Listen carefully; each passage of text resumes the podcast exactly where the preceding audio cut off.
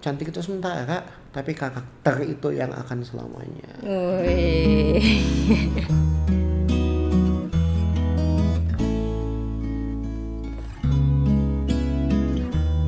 Welcome to Mars Venus Podcast. I see your true colors shining through. I see your true colors, and that's why I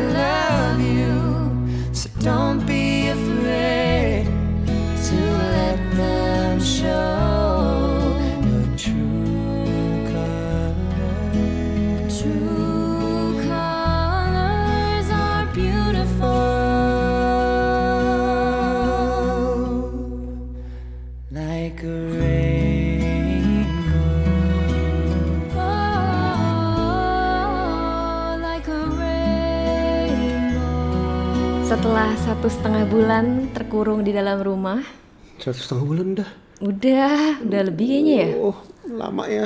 Iya. Terkurung paling cuma pergi ke pasar doang ya. Dan setelah sekian banyak alasan yang kita pakai untuk bisa keluar rumah kayak ayo beb beli susu di Indomaret. Seenggaknya Indomaretnya udah seneng banget kan. Apa yang kamu rasain sekarang nih beb? Bosen, capek. Mulai pernah capek lihat komputer sebenarnya, Beb. Karena hampir tiap hari kan meeting virtual mulu. Capek sih sejujurnya capek banget. Capek ngeliat laptop ya? Mm-mm. Bukan capek ngeliat aku kan? Ya, Gugup. Kamu sendiri gimana, Beb? Kabarnya? eh gugup juga. Kalau bosan sih bosennya bukan bosen yang kayak gila gue nggak sabar pengen keluar. Cuman bosennya kayak gue pengen makan ini cuman gak bisa. Eh, mau makan misalnya mau makan makanan Jepang favorit aku tapi tempatnya terlalu jauh dan di- kalau digojekin tuh mahalan ongkosnya jauh dibanding makanannya gitu. Ya gitu-gitu sih kayak kangen makan terus kangen ngumpul sama eh, orang lain. Eh, aku kangen liburan sih.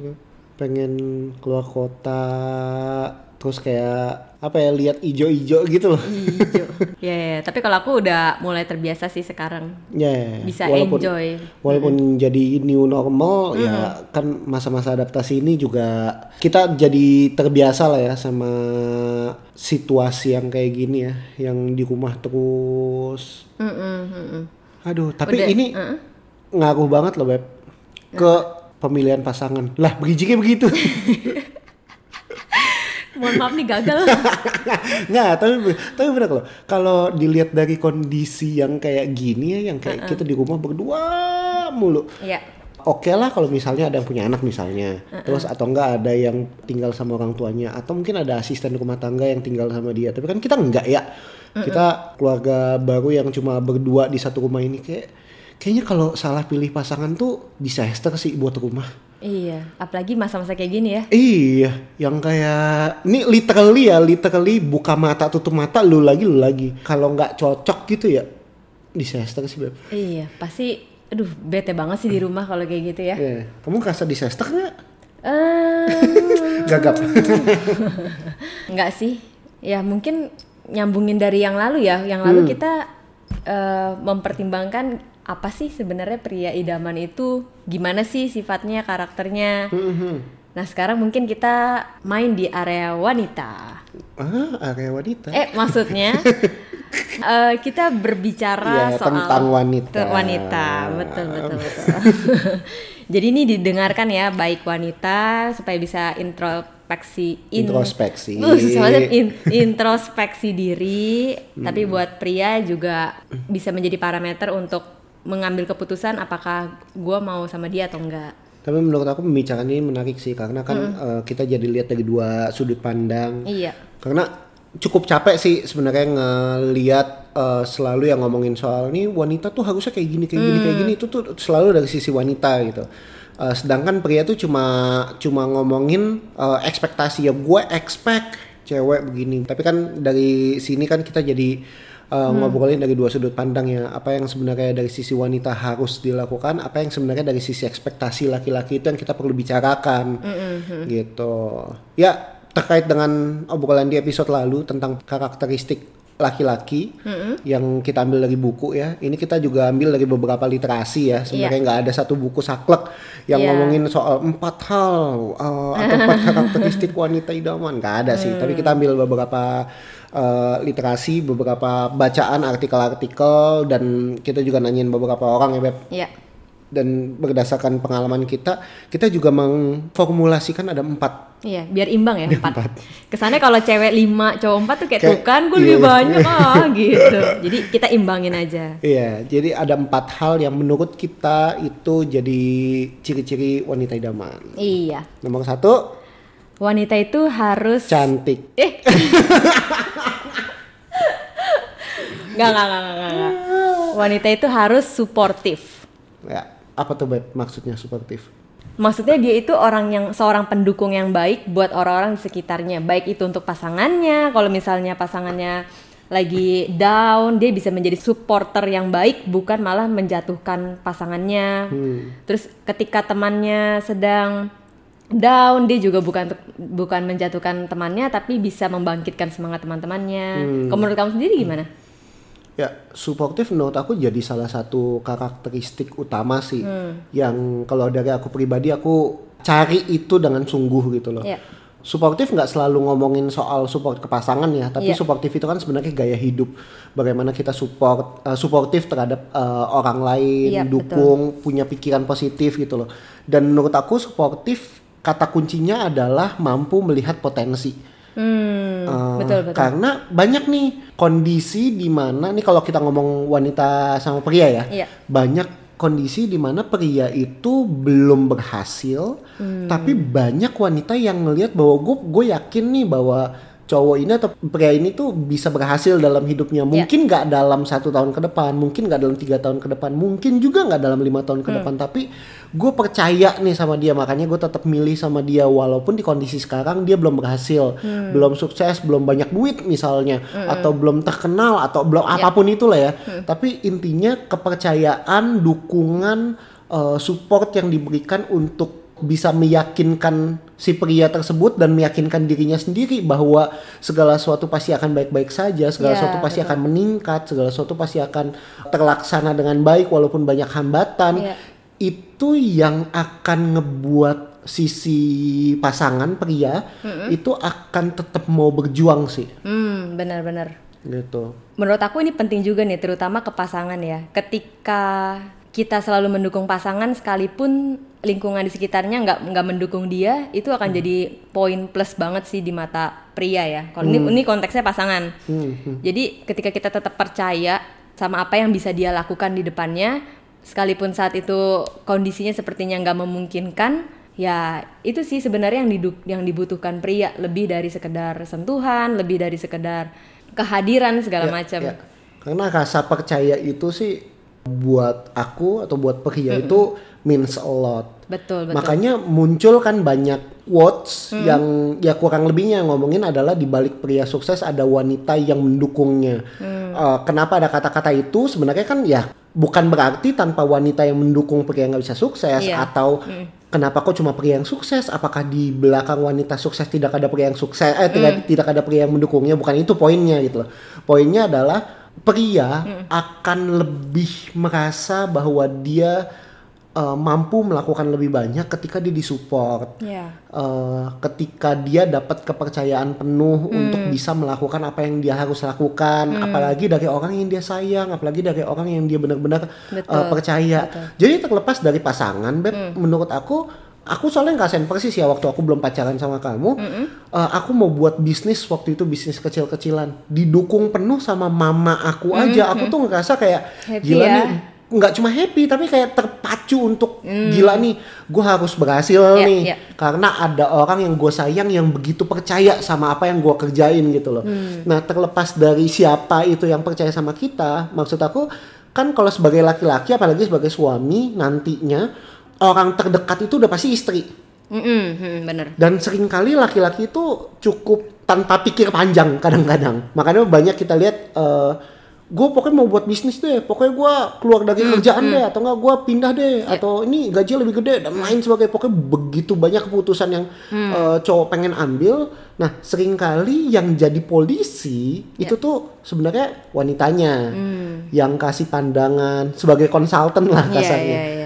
Kasih pandangan dan kalau emang eh, ada tantangan tertentu yang mungkin bisa dihadapin sama si pihak laki-laki eh, yang pihak perempuan bisa menyampaikan atau support. Misalnya kalau eh, membuat sesuatu yang baru atau berpindah dari A ke B support itu yang bikin kita para laki-laki itu tuh mau bekerja dengan lebih sungguh Betul, gitu. betul. Support itu penting banget ya. Support itu bukan selalu kita mendukung setiap apa pun yang Yes. orang lain lakukan, Setuju. yang pasangan kita lakukan. Kalau itu salah, yang namanya orang suportif adalah orang yang berani memberitahu, menasihati ketika itu salah. Ya. Jadi bukan berarti kalau misalnya kita tahu ini kayaknya nggak bener nih, terus kita, ya aku tetap support kamu kok apa pun yang terjadi, ya itu sih namanya bodoh Ih, bukan bukan suportif itu malah menjatuhkan gitu. Betul. Tapi orang yang suportif adalah orang yang berani ngasih tahu sekalipun mungkin pasangannya tersinggung. Mungkin kayak kok lu kayak nggak percaya sama gua sih. Kalau menurut kita itu salah, ya kita harus kasih tahu gitu sih. Ya, makanya aku seneng banget ada pernyataan bahwa wanita itu penolong. Eh, artinya wanita itu bukan diciptakan lebih tinggi, tidak juga diciptakan lebih rendah, Betul. tapi sepadan.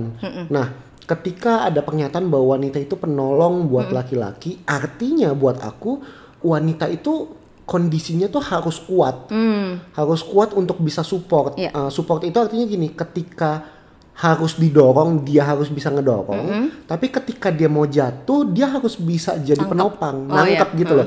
Jadi artinya kalau emang keputusan itu dipikir adalah kayaknya ada potensi-potensi mengarah ke aneh-aneh deh misalnya. Makanya di, disupport bukan disupport untuk tetap ngelakuin, tapi disupport dengan cara kasih tahu kok menurut aku aku nggak nggak nggak sekek ya sama ini karena begini begini begini tapi kalau emang ternyata itu ide yang bagus walaupun penuh dengan resiko Iya. tapi kamu kamu yakin nih si perempuan ini yakin menurut aku part of uh, menjadi wanita yang bisa apa ya disenangi oleh pria adalah bagaimana dia melakukan support kepada apa yang si laki-laki ini lakukan Iya, betul. Dukungan itu perlu banget buat pria ya.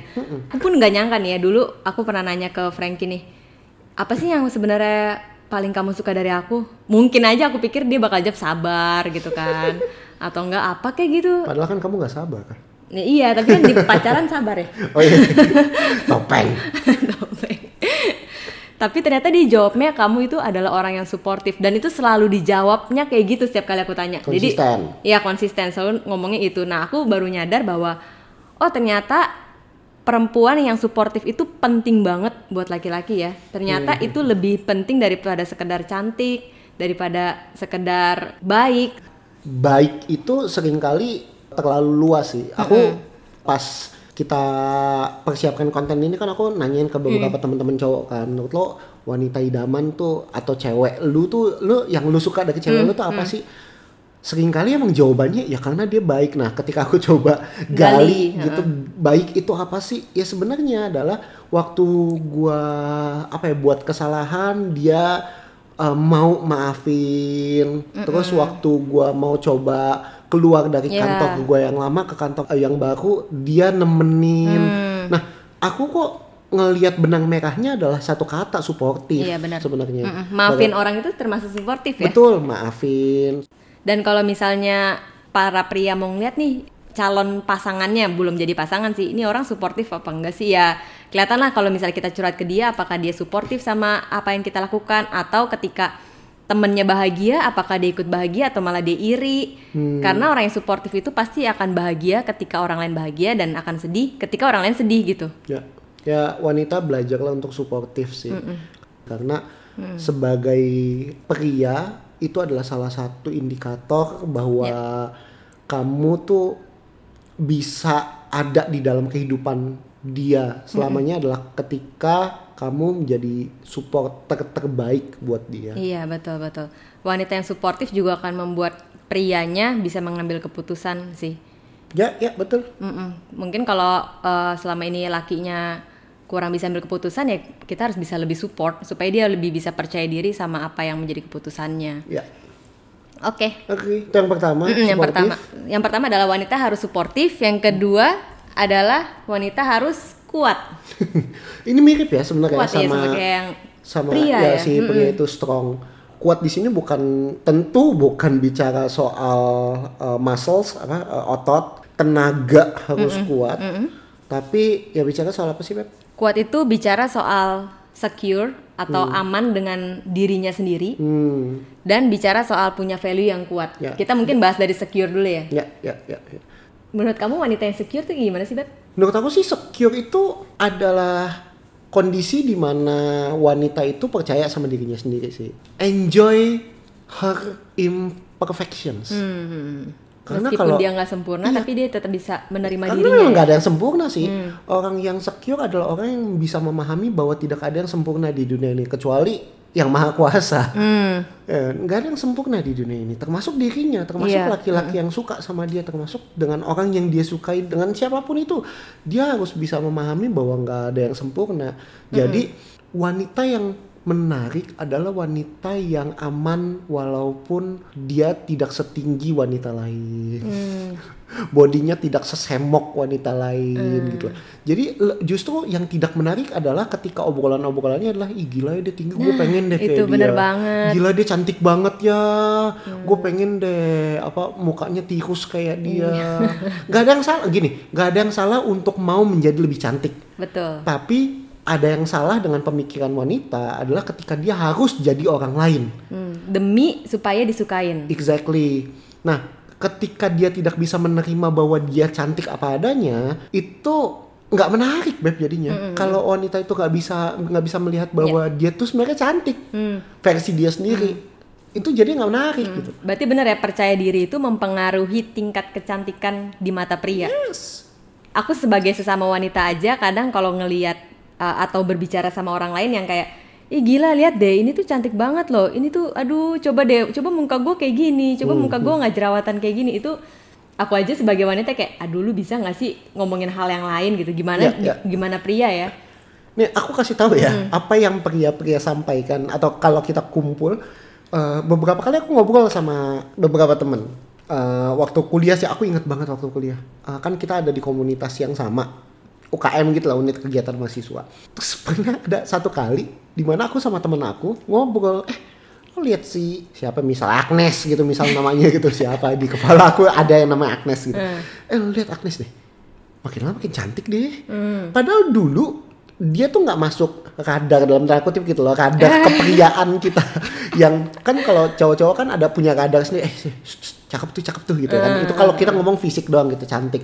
Tapi ada nih orang-orang yang kalau pertama kali kita kenal, pertama kali kita lihat ya biasa, Biasa aja, nggak masuk radar Mm, aja gitu. benar-benar. Terus tiba-tiba ngobrol-ngobrol-ngobrol, eh Agnes makin lama makin cantik ya. Hmm. Padahal buat yang lain kayak ya biasa aja, tapi buat dia tuh semakin cantik. Hmm. Ketika ditanya apa yang membuat lu bisa ngelihat dia makin cantik, nggak Hmm. tahu, nggak tahu, tapi ya makin cantik aja. Nah pas dicari tahu ternyata inner beauty yang bikin Betul, seseorang itu makin cantik. Ternyata dari gaya bicaranya, Hmm. dari gaya dia mengemukakan pendapat, dari cara dia handle masalah Betul. dari cara dia ketawa mungkin. Hmm. Maksudnya begitu banyak hal yang akhirnya membuat pria itu ngerasa bahwa eh kok dia cantik ya? Kok gue Iya, nggak ngeh ya dia benar. cantik ya?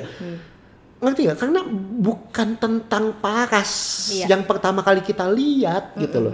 Tapi justru lebih ke bagaimana dia menilai dirinya sendiri. Betul. Walaupun kelihatan awalnya nggak cantik, tapi ketika dia yakin sama dirinya sendiri, dia percaya sama dirinya sendiri, dia tidak berusaha membandingkan dirinya Iya. sama Orang sama lain. orang lain.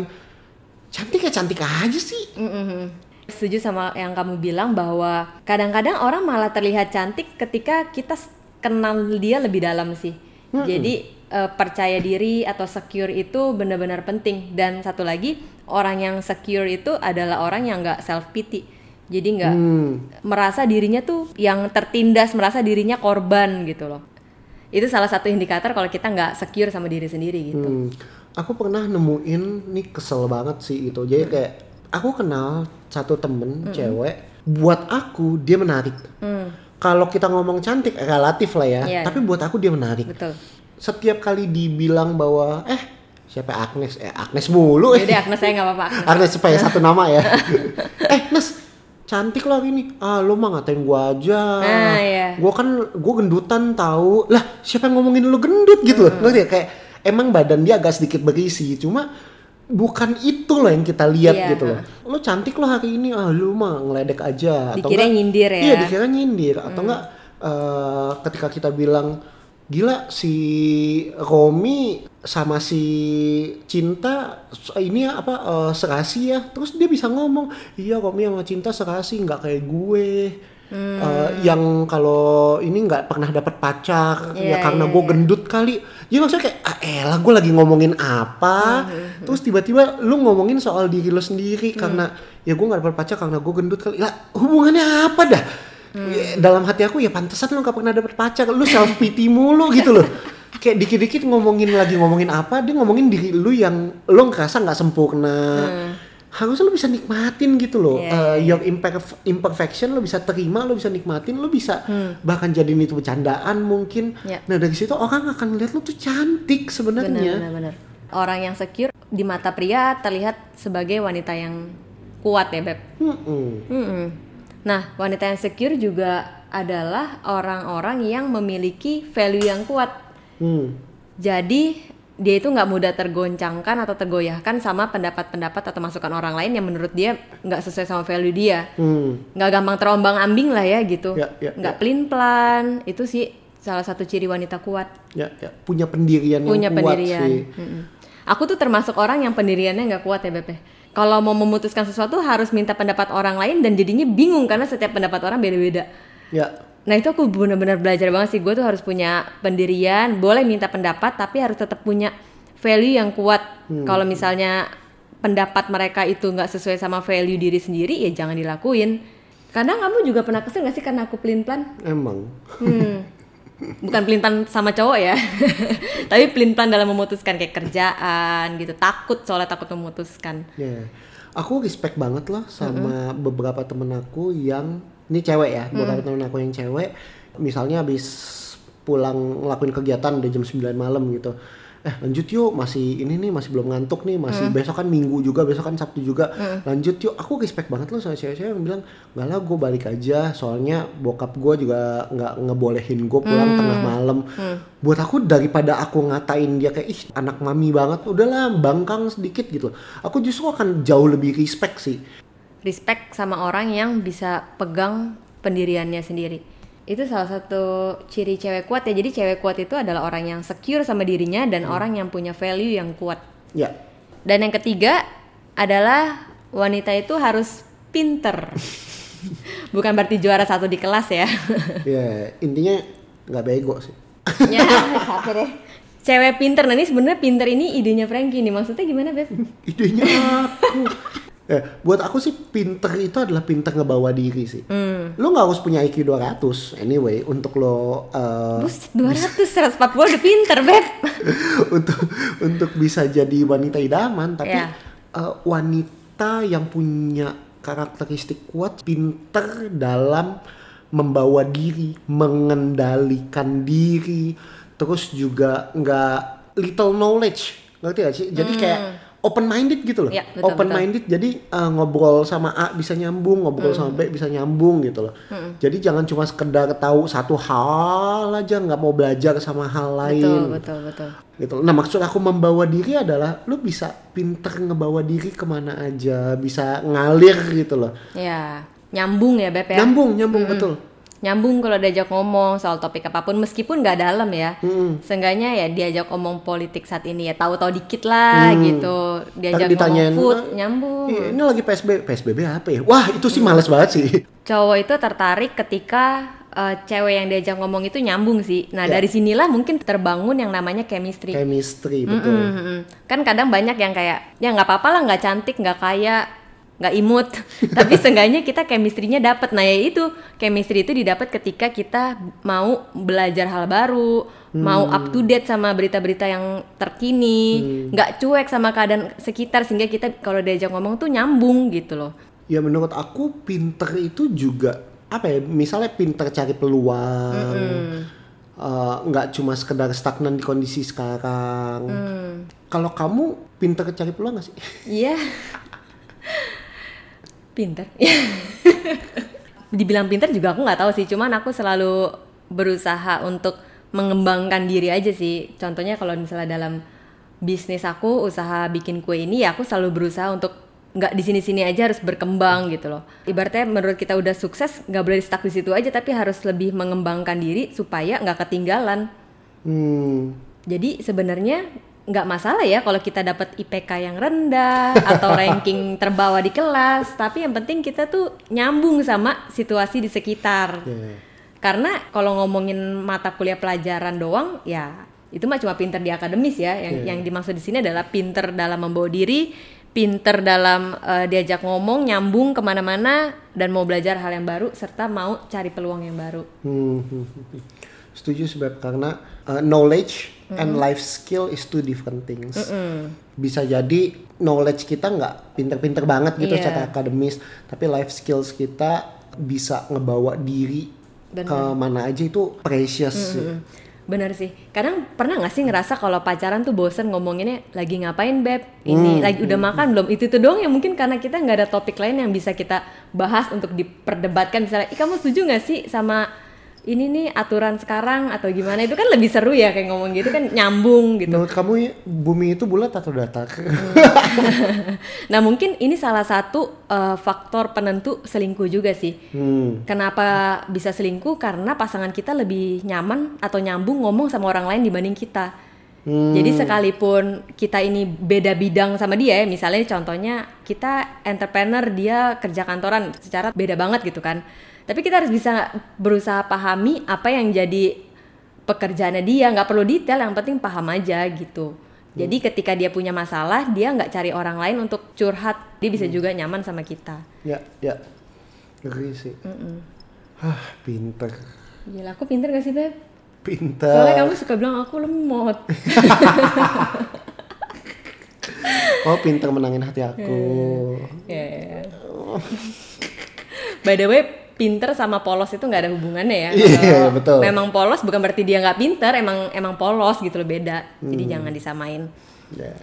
Dan yang terakhir Beb, Terakhir yang keempat. yang Kita- keempat adalah Aku sih percaya wanita yang menarik adalah wanita yang rajin. Hmm. rajin itu bukan tentang rajin cuci piring, rajin cuci baju, rajin Ya, nyapu memasak, ngepel. nyapu ngepel. No, it's not about that. Uh, kalaupun uh, akhirnya kita tidak atau wanita itu tidak suka untuk melakukan itu buat aku nggak ada hubungannya dengan apakah kamu idaman atau enggak sih Hmm. jadi idaman itu bukan tentang lo mau nyapu rumah setiap hari Masak. karena bukan aku against uh, wanita yang harus melakukan itu ya tapi ya ada fungsi dari asisten rumah tangga menurut aku itu Hmm, maksudnya. Ku- uh, kuncinya adalah gini rajin itu adalah mampu mengerjakan dari awal sampai akhir. Hmm. dia mau melakukan sesuatu dengan sungguh-sungguh tidak berbantah-bantahan Hmm, tidak setengah-setengah nggak demanding sama orang lain Iya, iya. dia nggak nggak bergantung sama orang lain untuk mengerjakan sesuatu gitu Hmm. buat aku itu rajin sih Iya. mm-mm. Tapi ini bukan excuse juga buat para wanita tuh kan. Udah gue bangun siangnya setiap hari. Nah, nggak nggak mau bantuin orang tua ah. Males lah ngapain bantuin emak gue nyuci piring, bantuin Hmm. dia masak, bukan kayak gitu sih. Justru itu sebenarnya parameter dari rajin juga. Ketika kita peduli sama orang lain, kita akan membantu Peduli, dia. yes. Mm-mm. Jadi melakukan pekerjaan rumah tangga nggak menentukan apakah kita rajin atau enggak. Hmm. Tapi kalau kita tidak melakukan itu sama sekali, itu menentukan kalau kita memang nggak rajin gitu. Jadi itu bukan excuse ya. Jadi apa ya namanya rajin itu kita mampu melakukan segala sesuatu dengan baik, tidak bergantung melulu sama orang lain. Hmm. Gitu. Nah, kalau misal udah menikah nih, kita tuh memang harus punya skill-skill dalam pekerjaan rumah tangga. Sekalipun itu nggak sempurna ya. Misalnya seenggaknya bisa nyapu, bisa ngepel, nggak apa-apa sekalipun di mata orang lain kok nyapu gini sih? Ini mah bukan nyapu namanya Yeah. gitu. Seenggaknya kita bisa dan kita mau melakukannya. Jadi kunci kata rajin itu bukannya bisa doang tapi mau. Bener sih kalau kita ngomong uh, pekerjaan rumah tangga misalnya kan banyak yang bilang kan ada asisten Nah, Iya. kalau asistennya pulang kampung misalnya uh, apa yang kita lakukan tetap membiarkan rumah, Rumah berantakan, kotor berantakan atau gimana gitu. Iya, benar. artinya uh, ada part di mana sisi kewanitaan itu harus keluar gitu loh. Baik itu uh, apa yang ngerapihin sesuatu. gitu Kalau itu dibutuhkan Kalau dia itu di- bisa yes, gitu ya intinya. Yes. Gitu. Aku ingat banget tuh Beb, uh, aku lagi ngajar di luar kota terus rumah hujan terus bocor. Oh, Bocor dan bocornya tuh parah udah kayak ada air terjun di Oh rumah. iya iya iya. Terus aku pulang, aku kan langsung memilih untuk pulang kan malam itu juga kan. Dan ternyata rumah udah bersih. Gitu yang aku pikir ya udah tunggu aku aja deh itu kayak bakal repot luar biasa deh karena itu bo- bocornya juga udah lumayan, lumayan parah kan. Aku pikir ya udahlah beresin se- sebisanya nanti aku bantuin apa yang bisa aku bantu gitu. Ternyata pas aku pulang semua udah bersih gitu loh. Buat aku itu part of nggak nunggu nggak harus nunggu ada aku loh. Padahal aku pikir waduh ngangkat ini gimana ya? Berat. Aduh ngangkat itu gimana ya? Berat. Aduh bersihin ini gimana ya?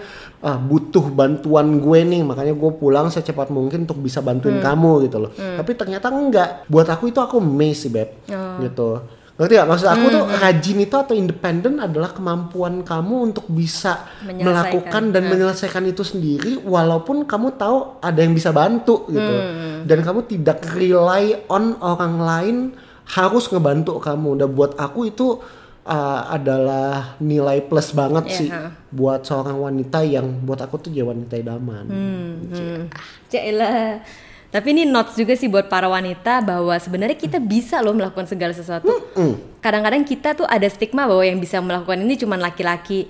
Sebenarnya enggak juga sih. Sebenarnya kadang beberapa pekerjaan juga wanita bisa lakukan gitu sih. Jadi memang rajin itu penting.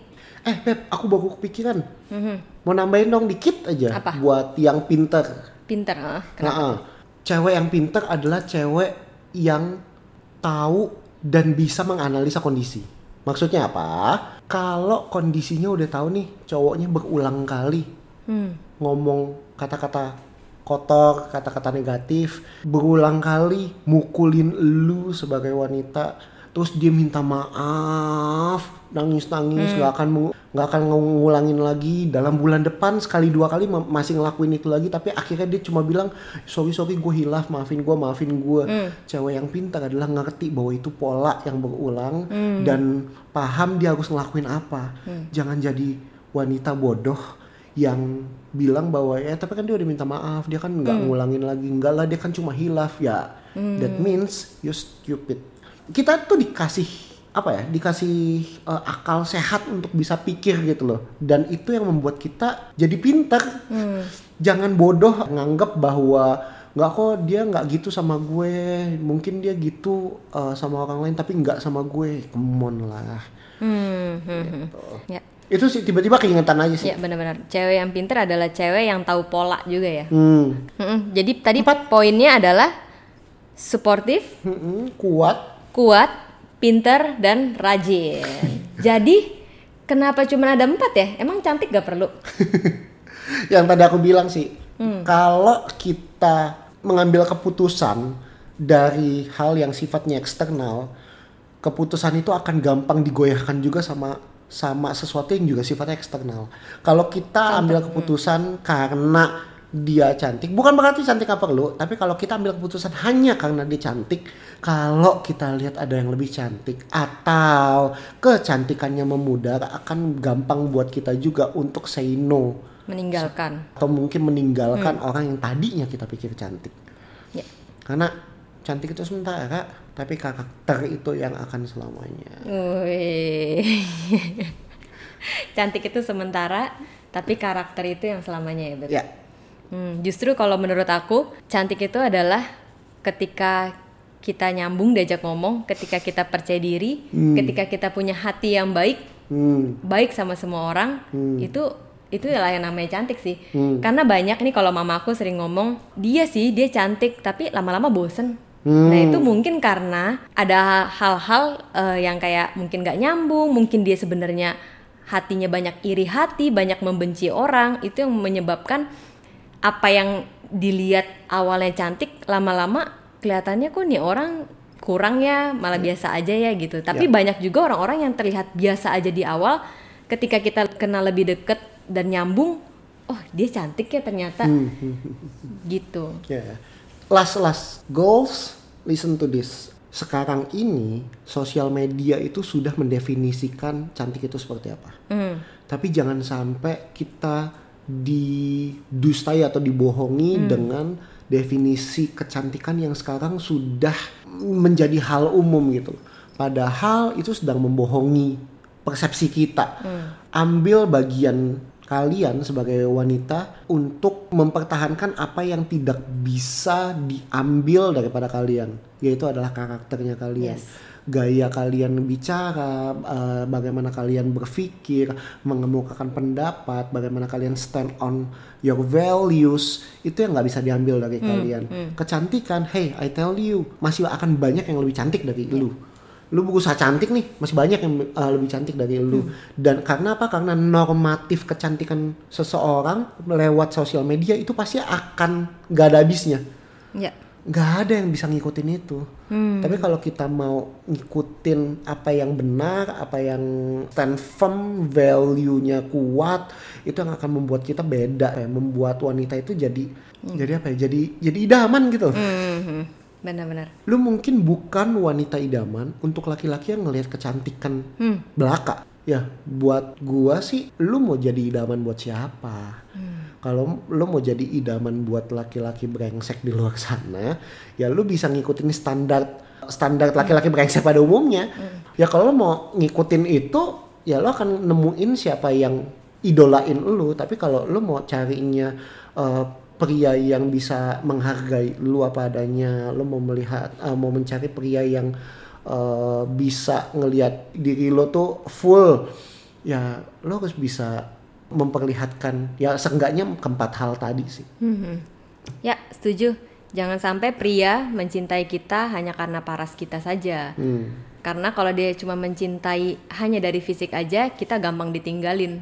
Kita bukan piala yang bisa dipamerin ke mana-mana karena kita berkilau. Tapi kita adalah pribadi yang layak untuk dicintai dan dihargai karena karakter kita bukan karena kecantikan kita. Ya. Ini ku datang dan jangan coba